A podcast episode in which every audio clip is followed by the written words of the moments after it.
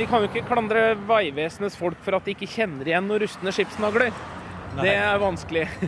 Men uh, nå begynte vi å gjøre funn. De store borrehaugene like utenfor Horten har vært tema her i museum med jevne mellomrom. Her hører vi arkeolog Terje Gansum fortelle om den legendariske Nikolai Nikolaisen, som i 1852 undersøkte restene av den store skipshaugen.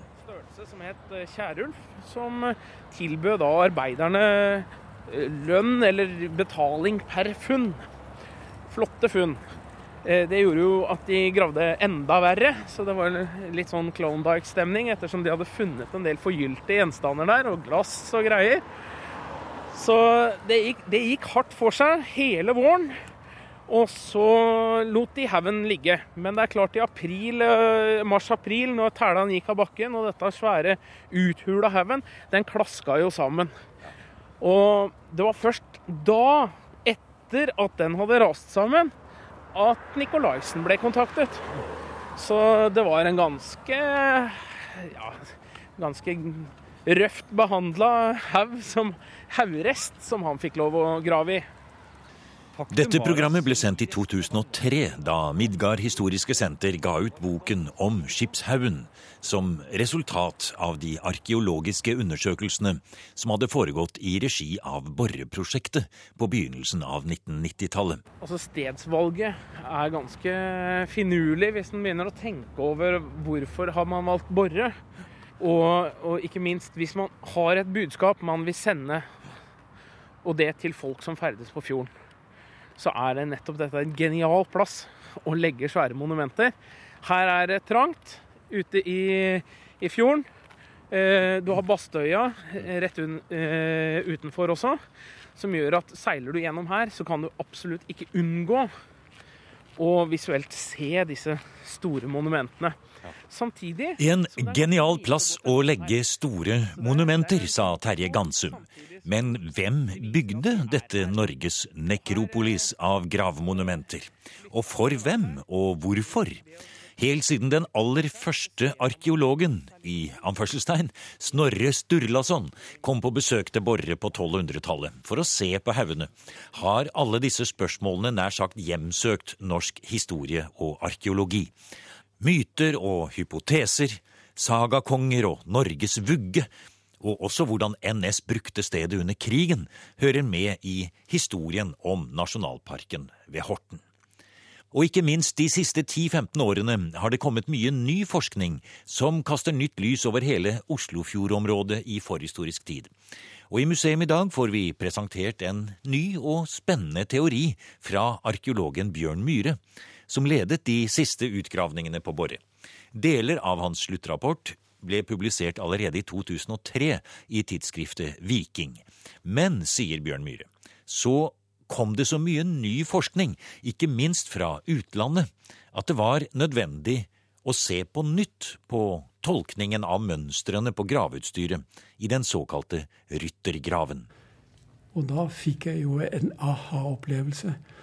Kunne dette være mulig? Jeg hadde ikke vært klar over, faktisk, at eh, borestilen ikke var typisk for eh, Viken-området.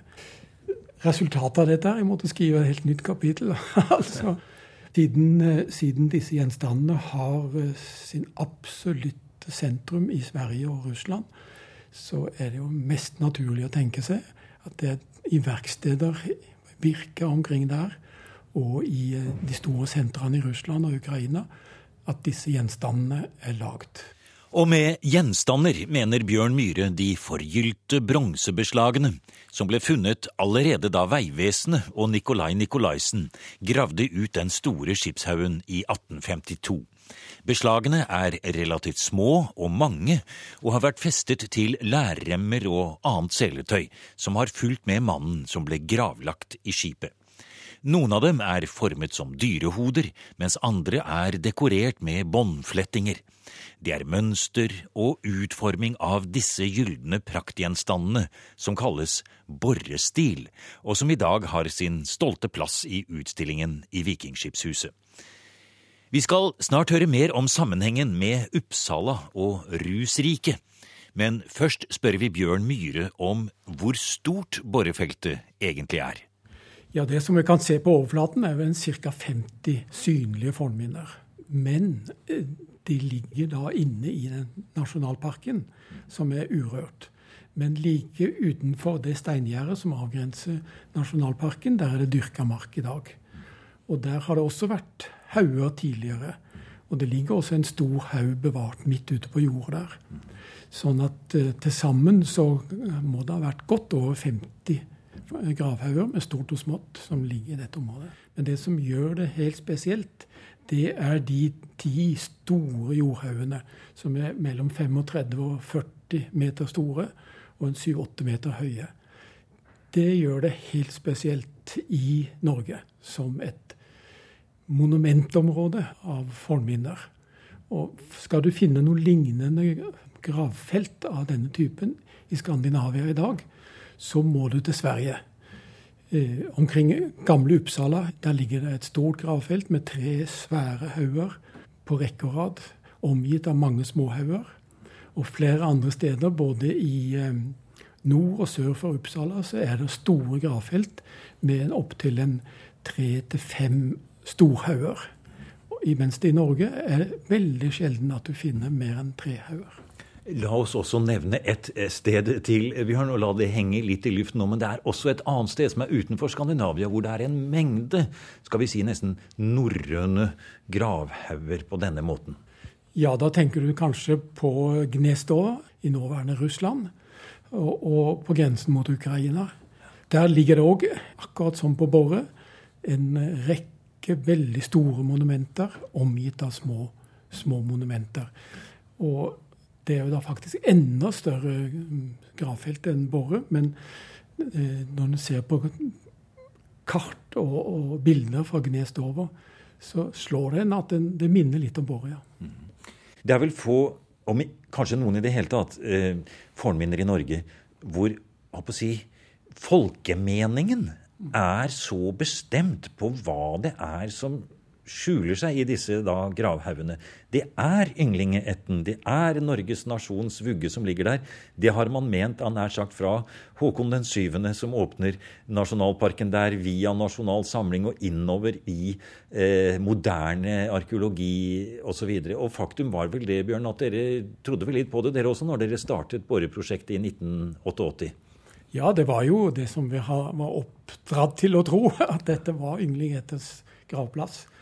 Og da vi kom der i 1988 og begynte å sette spaden i jorda for første gang, så var det jo stor interesse i Vestfold. Alle møtte jo opp fra området omkring og, og, ville se når vi skulle finne disse ynglingekongene. Alle var veldig stolte over dette, at dette var Norges vugge, som det ble sagt.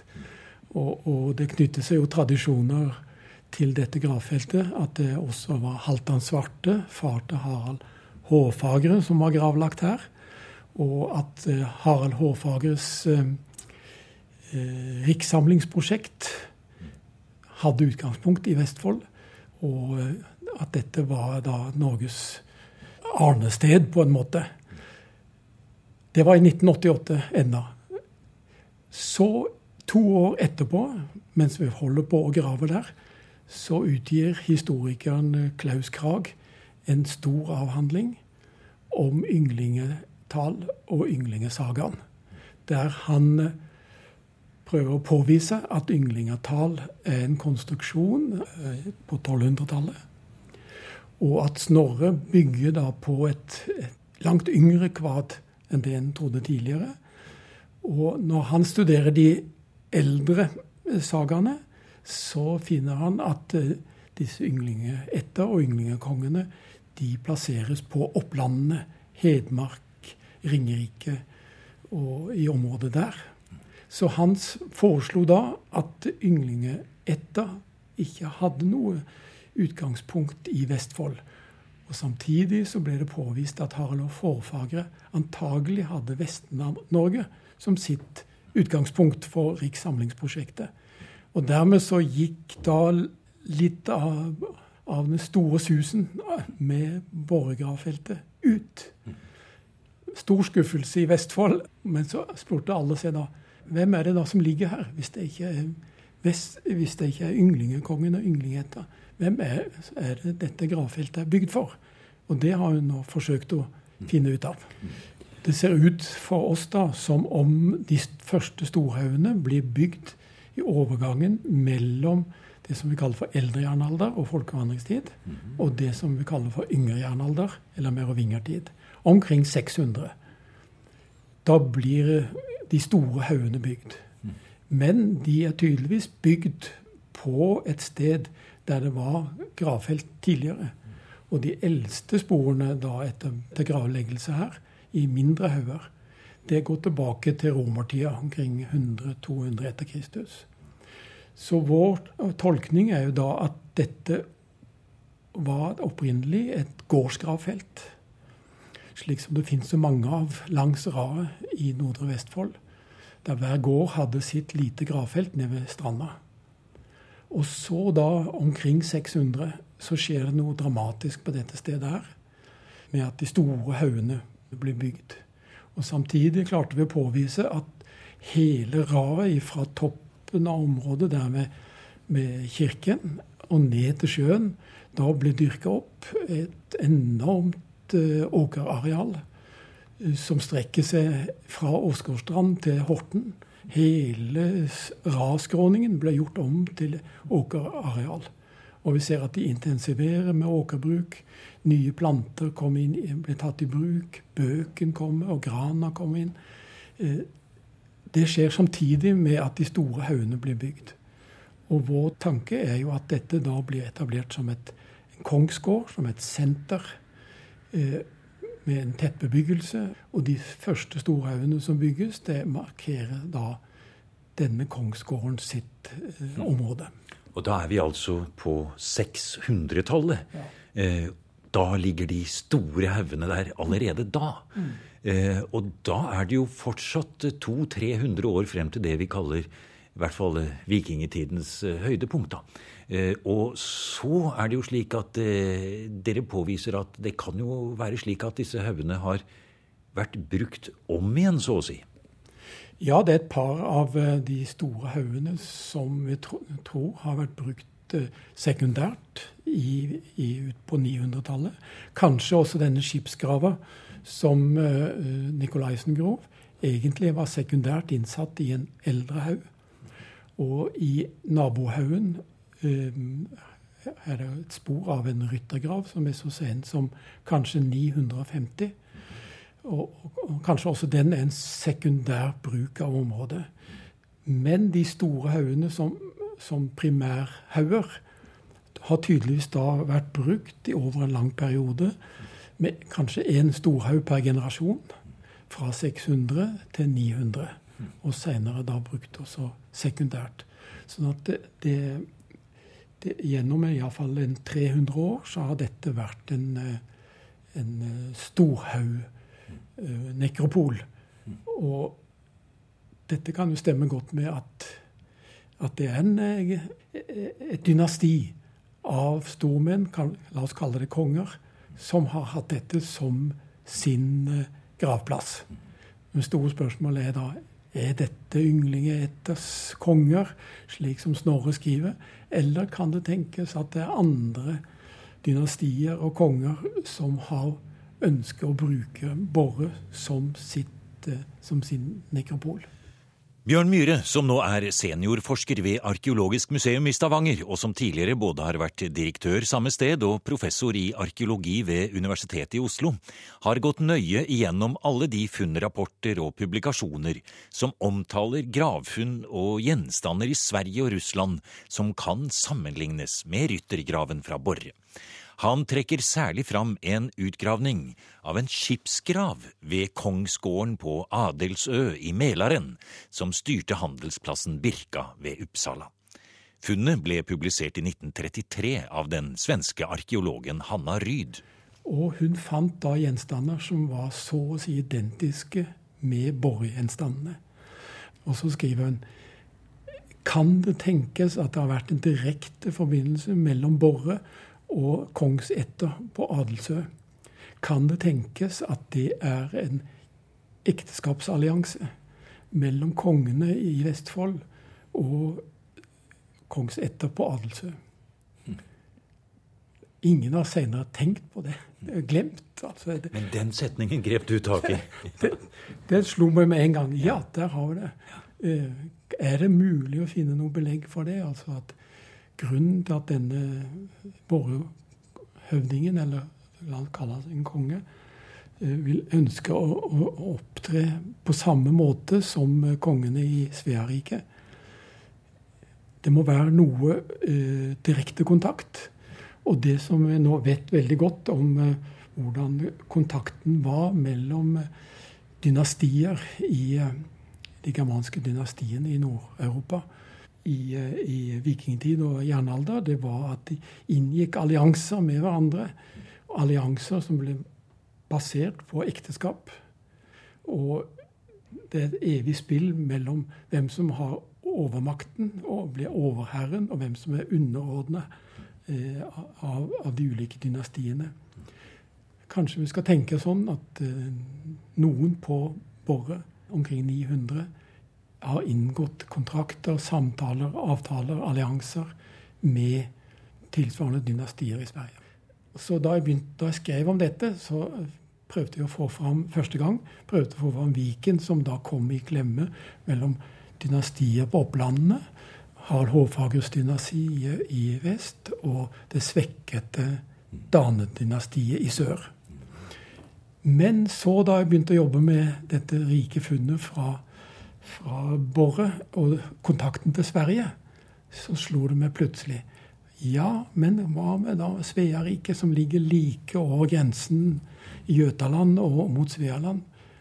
Kan også de ha hatt interesser her? Sveariket er da på sitt mektigste omkring 900- og tidlig 900-tall.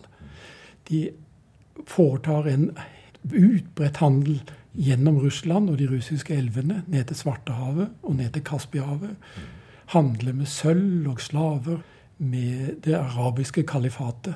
Og de handler med bysantinske riket i Konstantinopel. Men, men, hvorfor vil de da ut til Oslofjordområdet? Ja, det tenker vi at med den enorme handelen mellom Sverige i sentrum og det store opplandet i øst, så har de behov for å handle også vestover. Ja. mot Vest-Norge. Men, ikke, men, ikke kanskje så mye med de som bor i Oslofjordområdet, men de vil ha tak i skipsruten nord for Jylland og videre ned kanskje til England? Ja, det er særlig det. For gjennom eh, Øresund kommer de jo ikke Den, den veien er jo stengt. Ja, det, der satt jo danene, da. Danekongene. Og, og dane, både på Jylland og i sør omkring Hedeby, som var den andre store handelssenteret ved Østersjøen. Og de som satt på, med makta i Hedeby, de kunne da ta skatt og dominere all handel ut av Østersjøen. Så for svenskene vil, vil jo tro da at de på alle måter ville forsøke å åpne opp de danske sundene for sin handel. For å ekspandere handelen videre til eh, både Europa og eh, Storbritannia, som vi kaller det i dag, da, og hele dette området. Så vil de da forsøke å angripe Hedeby, som du sier, og det kan det hende de greier også. Men de vil ha en plan B, et så vidt jeg forstår deg riktig, Bjørn da. De vil over land, via Mälaren, Vänaren osv., og, så og ut til det vi kaller svenskekysten i dag, og kommer da inn i Oslofjordområdet. Og der må de ha en alliert. Og er det eh, ryttermannen fra Borre? Ja, det kan det. Det er en spennende tanke, da. Eh, for vi vet òg da ut fra sagaene at sveerne sveene eh, ligger stadig i kontrovers med det andre store maktsenteret i Sverige, nemlig Vestergötland og Østergötland. Der holdt en stor stamme til som het jøtene. Og i omkring 900 så er det Sveakongen som Snorre skriver om. da. Han etablerer et overherredømme over jøtene. Og han sier da at han vil over, ta makten også i Viken, slik som hans forfedre har hatt. Og da forsøker han å gå inn, i, inn mot Viken gjennom skogsområdene her. Og der møter han med en gang Harald Hårfagre, som nettopp har klart å få overherredømme over Viken. Og da skriver jo Snorre om et stort slag som står der i, i grensesonen, som, som sveerne og jødene taper da, fra Harald Hårfagre. Så det er en, eh, noen svake kilder som kan tyde på at de forsøker å komme seg inn den veien. Og, men kanskje da som en, en del av eh, maktspillet her, så kunne en jo tenke seg at eh, dette alliansepartnerskapet mellom sveerne og Borre-dynastiet kan ha blitt etablert. Akkurat i denne perioden her. Og det som jeg tenker med som, Hvis vi skal tro på Adam av Bremen, og at det er et svensk dynasti som etablerer seg kortvarig i Hedeby, så kunne det tenkes at dette var som et ledd i den svenske strategien å ta kontroll over Hedeby og åpne opp Øresund utover. Og Da var det òg viktig å ha en, eh, en, alliert i Viken, i Oslofjordområdet. Og hvis da sveerne hadde funnet en slik alliert, og det var en stor høvding i Borre, så har han altså da utstyrt seg selv med gjenstander, prydgjenstander og andre ting som skulle nettopp vise at han hadde valgt side i denne konflikten. Det er derfor han får disse tingene også da med seg som gravgods. Er det slik du tolker eh, den østlige borrestilforklaringen? Ja, nettopp det. Og denne borestilen er særlig koblet til et praktutstyr som hører til en, en hesteutrustning. Mm. Det er tøyler og, og remutstyr og alt det som hører til med en rytter, med sporer og, og stigbøyler osv. Så videre, sånn. Og det er akkurat det som disse gjenstandene inngår òg i slike ryttergraver i Sverige. Det kan jo tenkes at han har fått hele greia, eh, altså hele rytterutstyret. Som en gave? Som en gave fra ja. en svensk eh, stormann. Mm. Og han, han, er jo stolt over dette her, og blir gravlagt med dette utstyret for å markere sin uh, allianse med svenskene. Og samtidig som det gir han makt, og gir han eh, hjelper han til å ha kontroll over iallfall deler av Viken. da. Så heretter, når, og særlig da når det, din eh, bok kommer ut nå, Bjørn, om boreprosjektet, så må vi begynne å snakke om Borre-stilen som en svensk-russisk stil med ett lite funnsted i Norge, og det er akkurat Borre. Ja, vi må kanskje det, rett og slett. Men det er ett sted til som vi må eh, ta inn da.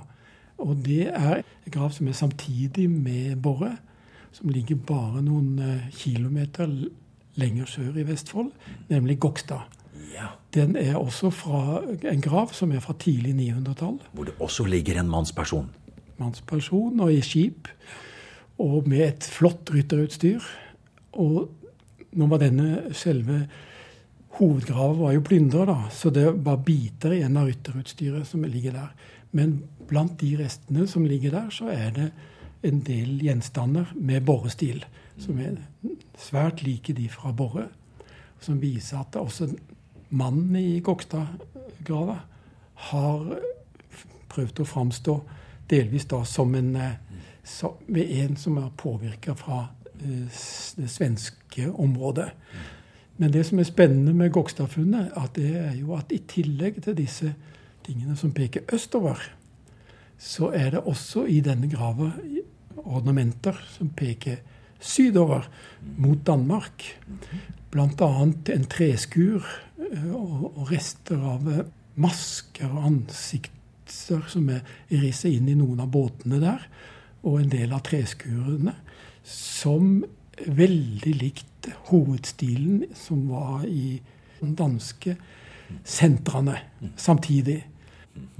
Så da har vi altså i Gokstad en eh, lokalhøvding som på en måte har sin allianse mot Syd og Danmark, mens det bare like lenger nord, i Borre, på samme tid, er en annen stor høvding som har valgt da hovedsakelig forbindelsen via Sveariket og østover.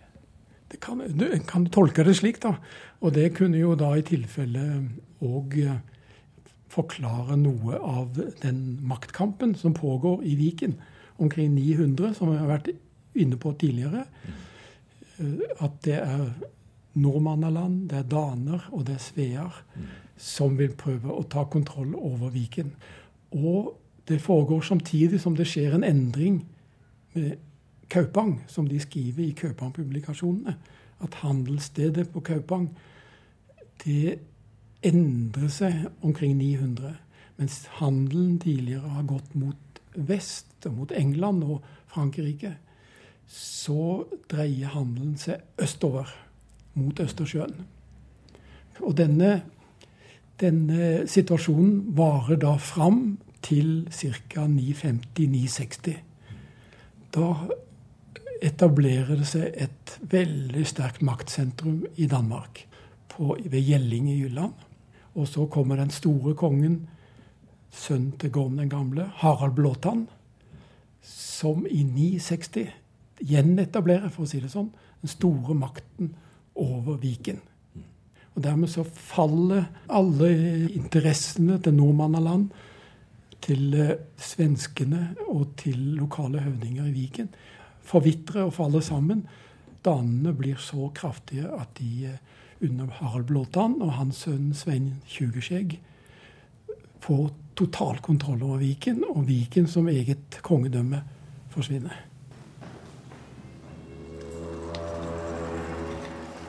Du har nå hørt programmet Museum som podkast fra NRK.